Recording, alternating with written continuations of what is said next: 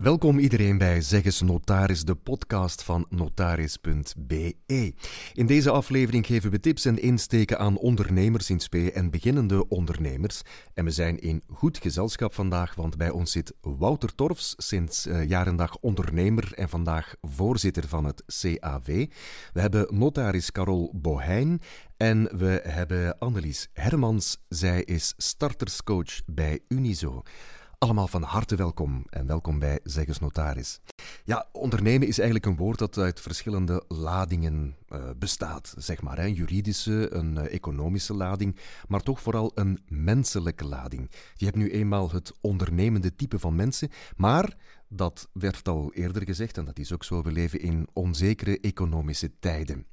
Annelies, ik kom eerst bij jou. Heb jij de indruk dat jongeren het nog steeds aandurven om te ondernemen? Of is men sinds de verschillende crisissen, we hebben de oorlog in Oekraïne, we hebben de coronacrisis achter ons, dat die een beetje voorzichtiger geworden zijn? Het heeft zeker meegespeeld. Nu, tijdens corona zijn de startercijfers nog nooit zo hoog geweest. Dus toen hadden we echt de record. We zitten nu nog altijd op cijfers die veel hoger liggen als een aantal jaar geleden. Mhm. Maar zeker in een aantal sectoren merken we toch dat mensen effectief voorzichtiger geworden zijn en dat het soms ook gewoon moeilijker is om te gaan ondernemen. Iemand die anno 2023 een horecazaak wilt oprichten, heeft het bijvoorbeeld veel moeilijker bij de bank om een lening te krijgen. En je zit altijd met bepaalde investeringen die moeten gebeuren. Dus ja, als daar niet het nodige geld voor bijeen kan gesprokkeld worden, speelt dat zeker mee. Maar in andere sectoren zien we dan weer wel dat er nog heel veel mensen starten. Dus uh, zeker niet iedereen heeft zich laten afschrikken, gelukkig. Nee, wat je zegt net, tijdens de coronacrisis is, het, is er een boom geweest. Ja, toen zagen we heel veel mensen die, ik denk doordat ze misschien een beetje vaker thuis moesten zitten, beseft hebben van oei, mijn job, dat is toch niet helemaal meer wat ik wou. Er was toen ook veel minder werkgelegenheid, heel veel ontslagen. En soms zien we dat dat effectief toch wel het duwtje in de rug kan zijn dat mensen nodig hebben van goh, ik zat eigenlijk al heel lang met het idee van een eigen onderneming. Misschien moet ik dat nu toch maar gaan doen. Dus dat heeft zeker toen uh, een boost gegeven. Oké, ik ga je een voorbeeldje geven. Stel, je hebt een, eh, een duo, twee vrienden die komen bij jou langs. Die hebben een project, die hebben wat spaargeld en die, um, die willen iets beginnen. Die willen een, eh, een zaak opstarten. Welke stappen moeten die twee vrienden nu doorlopen om tot een onderneming te komen? En misschien ook wel belangrijk om vrienden te blijven eerst heel goede afspraken maken. Ik denk dat het heel belangrijk is. Als je alleen bent, zeggen we altijd al van bereid je heel goed voor. Denk goed na over waar je voor wilt staan, hoe je dat je wilt gaan doen, welke visie je daarin hebt. Als je met twee bent, dan is dat des te belangrijker, want dan moet die visie en die missie moet ook nog eens overeenkomen mhm, bij die twee. Hè? Dus ik denk dat daar heel veel gesprekken aan vooraf moeten gaan. Ehm, en dan um, denk ik dat het ook belangrijk is om die dingen ook echt te gaan concretiseren in een businessplan. Om daar te gaan kijken naar, oké, we hebben nu een aantal dingen uitgezocht. Klopt dat ook allemaal wel met hoe dat, dat in de markt gaat zijn? Want wij kunnen een idee hebben, maar dat wil daarom niet zeggen dat de markt daar hetzelfde op gaat reageren. En vooral ook, het wil daarom niet automatisch zeggen dat de markt daar geld voor over gaat hebben. En dat is natuurlijk ook iets dat je best uitzoekt op voorhand. Dus uh, ik denk dat dat heel belangrijke stappen zijn om dan over de um, heel concrete ondernemerstappen uh, te moeten gaan nadenken van oké, in welke vorm gaan we ondernemen? Als het twee vrienden zijn, dan gaan we al heel snel bij een vennootschap uitkomen. Gaan we dat in bijberoep of in hoofdberoep doen? Dus ook die um, startersformaliteiten gaan natuurlijk een, eh, een rol spelen in het gesprek. Ja, absoluut. Nu, sinds kort is de wetgeving rond de vennootschappen gewijzigd. Wat we kenden als de BVBA is nu de BV, geen bekende Vlaming, maar dat BV staat voor de beperkte vennootschap? De besloten de besloten vennootschap. ja. Carol, moet elke ondernemer eigenlijk een vennootschap oprichten om te kunnen ondernemen, of is dat eigenlijk allemaal niet nodig? Dat is in C niet nodig. Je kunt perfect ondernemen ook op jezelf, hè, als eenmanszaak. Ja.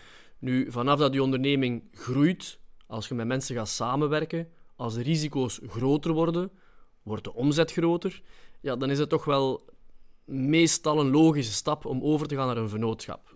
De vennootschapsvorm is natuurlijk ook van belang, maar de meest voorkomende is wel de BV. Um, dus eigenlijk vanaf dat een, een, accountant of een notaris u adviseert van kijk, kijk toch maar eens naar die vennootschapsstructuur, uh, ja, dan zou ik dat toch niet negeren en daar toch zeker uh, op ingaan. Ja, oké. De BV komt waarschijnlijk het meeste voor, veronderstel ik. Ja, absoluut. Um, moet je dan geen startkapitaal hebben om zo'n vennootschap op te richten? Waarschijnlijk wel. Wel, vroeger was het zo dat er wettelijk verplicht een startkapitaal moest zijn. Dus bij de BVBA bijvoorbeeld. Bij de BVBA, ja. moest je een bepaald minimumbedrag voorzien. Mhm. Nu, daar is de wet van afgestapt. Dus nu hangt het eigenlijk af van je activiteiten, van de middelen die je hebt.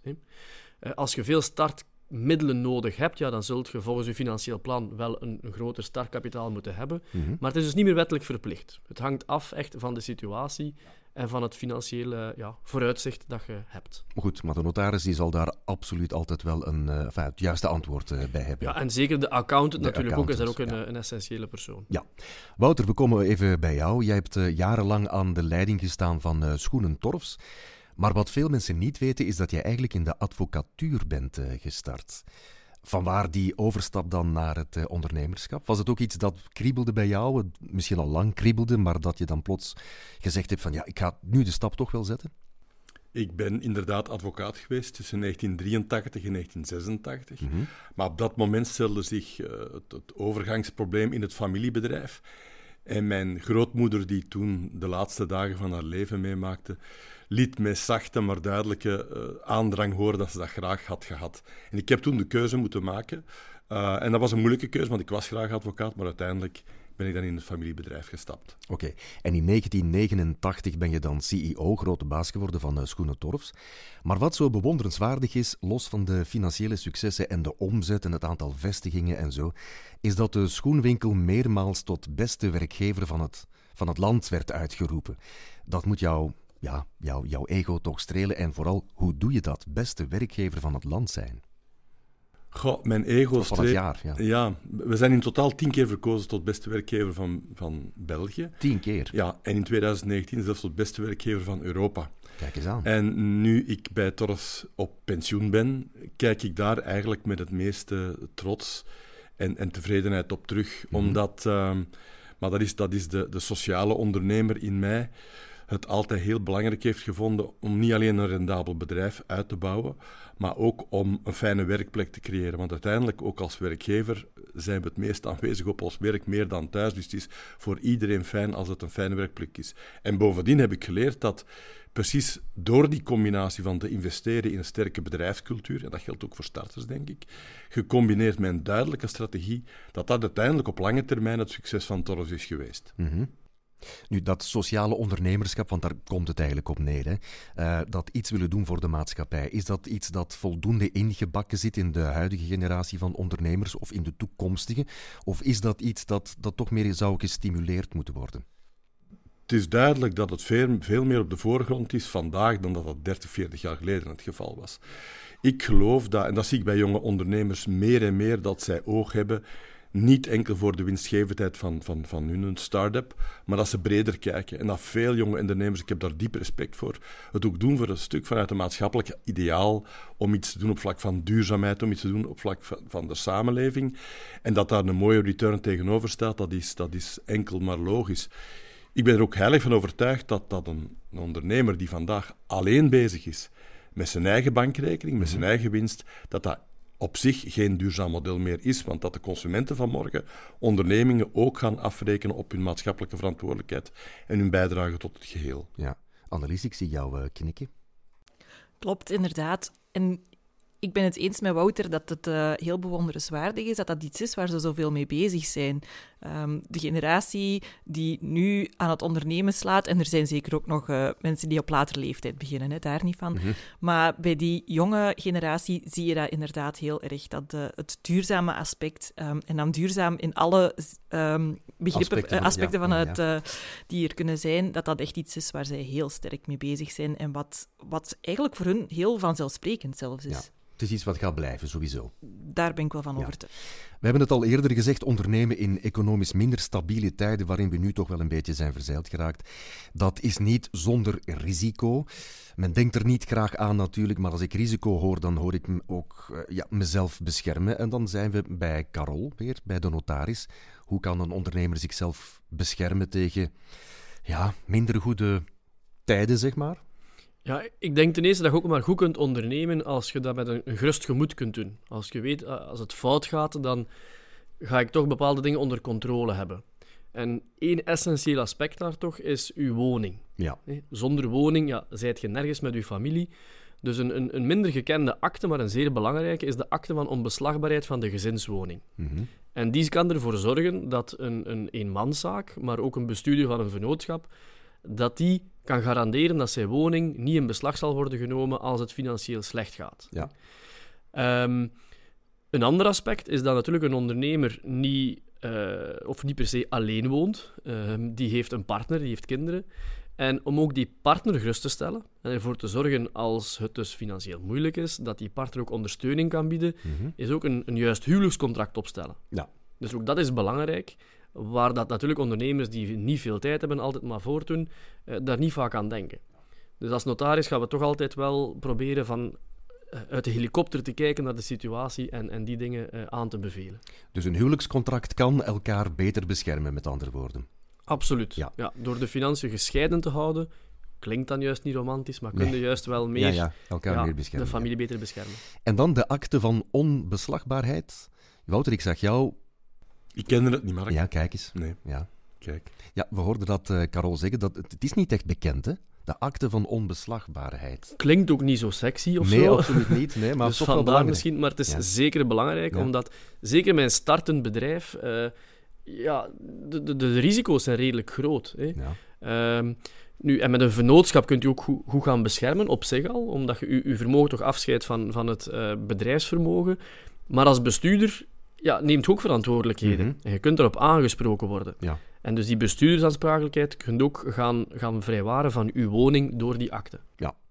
Wouter, is dat iets waar jij tijdens je carrière ook eh, mee rekening gehouden hebt? Of iets dat in jouw achterhoofd zit van, oei, eh, het gaat nu allemaal wel goed, maar je weet nooit wat er gebeurt. Eh, zou dat eventueel een impact kunnen hebben op mijn familie bijvoorbeeld? Ligt iedereen daar niet een klein beetje wakker van? Of soms wel wat meer? Goh, wakker liggen, daar, daar bewijs je niemand een dienst mee, maar, Nee. maar, ehm, maar op tijd goed advies vragen en, en proactief proberen in te schatten wat risico's zijn. Dat is denk ik de, de, de plicht van elke, elke ondernemer, ook, ook en vooral in uw gezin en uw familie. Ja. Uh, rechtstreeks bij Torfs hebben wij nooit, nooit zware moeilijkheden gekend, maar ik heb bijvoorbeeld het faillissement van mijn schoonvader meegemaakt, Ja. eh, een jaar of veertig geleden. Ehm, ik, bij Torres heb bijvoorbeeld ooit geïnvesteerd in de overname van Brantano. Herinner u, FNG is failliet gegaan. Dat heeft de familie heel veel geld gekost. Ja. Dus ja, bij ondernemen hoort ook falen. Niet, niet alles wat je doet is, is een groot succes. En, en ik denk ook dat we in België, als we het ondernemerschap willen promoten, ook op een andere manier naar falen moeten kunnen, kunnen, kunnen kijken. En iemand die dan eens een keer een ongeluk heeft, niet voor de rest van zijn leven het stigma van, van, van mislukkeling opkleven. En, en, uh, maar goed, het, het, kan iedereen overkomen. Dus een, een, een verwittigd man of vrouw zijn er twee waard. Dus inderdaad, vraag vooraf advies aan een vertrouwensnotaris of adviseur. Een faling, en dat is ook al een vreemd woord, hè, want dan ben je gefaald. Ja, dat is... Uh, maar in elk geval, dat een faling niet negatief hoeft te zijn. Je kan van daaruit een doorstart maken. En ik dacht, uh, daar hebben we het onlangs ook nog over gehad, dat de wetgeving aangepast is en dat je wel degelijk opnieuw iets kan opbouwen. En dat is een goede zaak, denk ik. Zeker, hm. zeker en vast. Oké. Okay. In deze podcast geven we ook graag tips mee voor luisteraars, vooral als wij dan het plezier hebben om ze vanuit verschillende invalshoeken te kunnen aanbieden. Uh, misschien bij jou beginnen als uh, starterscoach van uh, Unizo, Annelies. Wat is voor jou de ultieme tip die je zou meegeven aan beginnende ondernemers? Ik denk zeker die goede voorbereiding. En goede voorbereiding gaat breder dan alleen zelf thuis bezig zijn, maar gaat zeker ook over met mensen gaan spreken, um, andere input vragen. En vooral ook daarbij de goesting niet uit het oog verliezen. Ik hoor Wouter graag zeggen, het ondernemerschap waar het puur gaat over het platte geld, dat is voorbij. Dat zie ik ook effectief wel. Um, maar ik zie dat starters zich soms toch ook nog in de valkuil durven begeven van ah ja, maar ik zal dat ook nog maar doen, want iemand heeft gezegd dat dat een goed idee is en dan ga ik wel geld verdienen. Als dat niet is wat bij u past als persoon, dan gaat dat ook geen duurzaam businessmodel zijn. Nee, het moet van binnenuit komen, hè? Ja, je moet er zelf in geloven en zomaar niet klakkeloos overnemen van wat andere mensen zeggen dat je moet doen eigenlijk. Hè? Wat kan jij er nog aan toevoegen, Wouter?